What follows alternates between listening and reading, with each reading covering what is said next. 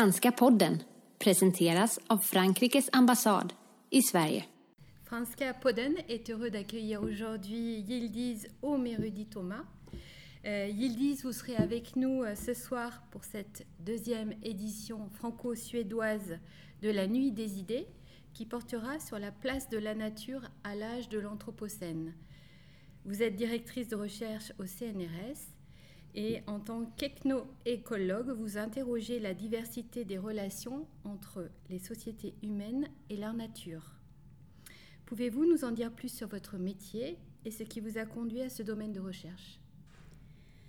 Alors, euh, mon métier en tant que ethno-écologue, c'est en fait une discipline de l'anthropologie que sont les ethnosciences. Alors, euh, ça suppose que les sociétés euh, locales, qui n'ont pas les mêmes savoirs que les savoirs scientifiques, ont leur propre système de savoir, avec un, qui ont leur propre euh, logique. Et c'est l'objectif même de mon métier que de, de comprendre cette logique. Qu'est-ce qui vous a conduit à ce domaine de recherche?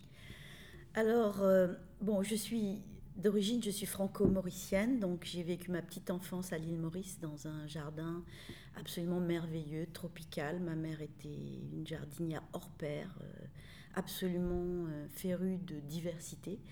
Et du coup, euh, j'ai quasiment grandi dans la nature tropicale. Et à mon arrivée en France et lors de mes études, j'ai eu la chance en fait de rencontrer Francis Allais, un des meilleurs botanistes en fait du monde tropical et Claudine Bert-Friedberg, une anthropologue indonésienne.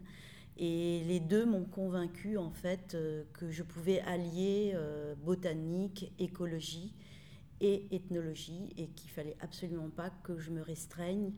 Et, donc j'ai une formation en fait double, euh, plutôt botanique au départ et, ethnologique par la suite. Et j'ai fait ma thèse en Indonésie, donc voilà, c'est que je suis née dedans. Quels sont vos principaux terrains de recherche?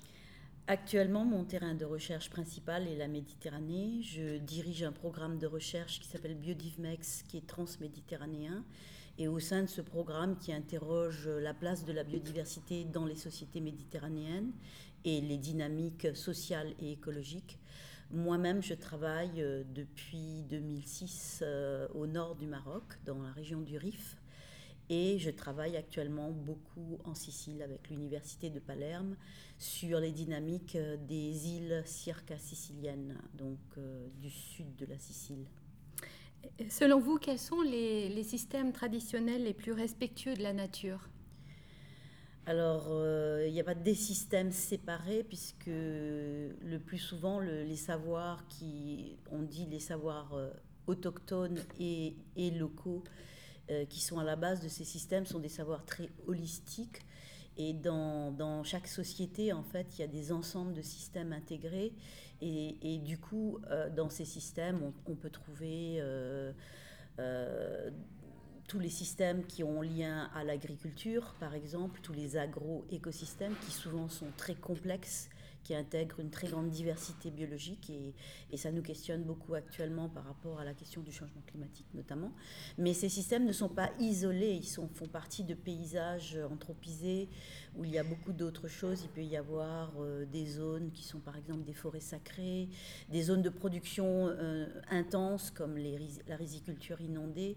Donc en fait, quand on aborde, ou des forêts, euh, j'allais dire peu anthropisées, quand on aborde ces systèmes, en fait, les systèmes importants pour pour le, la, le, développement durable, il faut considérer l'intégralité à, des échelles paysagères euh, vaste parce qu'il y, y, a beaucoup de, liens en fait entre les différents parties. Selon vous, comment la science peut-elle davantage prendre en compte les connaissances traditionnelles? Alors aujourd'hui, on pense que bah, nous sommes tous les pareils, hein, tous les hommes, et que nous sommes capables de nous comprendre, et qu'il y a des parts en fait de, euh, ces connaissances traditionnelles euh, qui sont absolument communes entre les savoirs scientifiques et les savoirs locaux et, autochtones, euh, si ce n'est qu'il faut aussi donner pleinement la possibilité aux savoirs autochtones de s'exprimer et pas d'en occulter une partie, que ne comprend pas la science.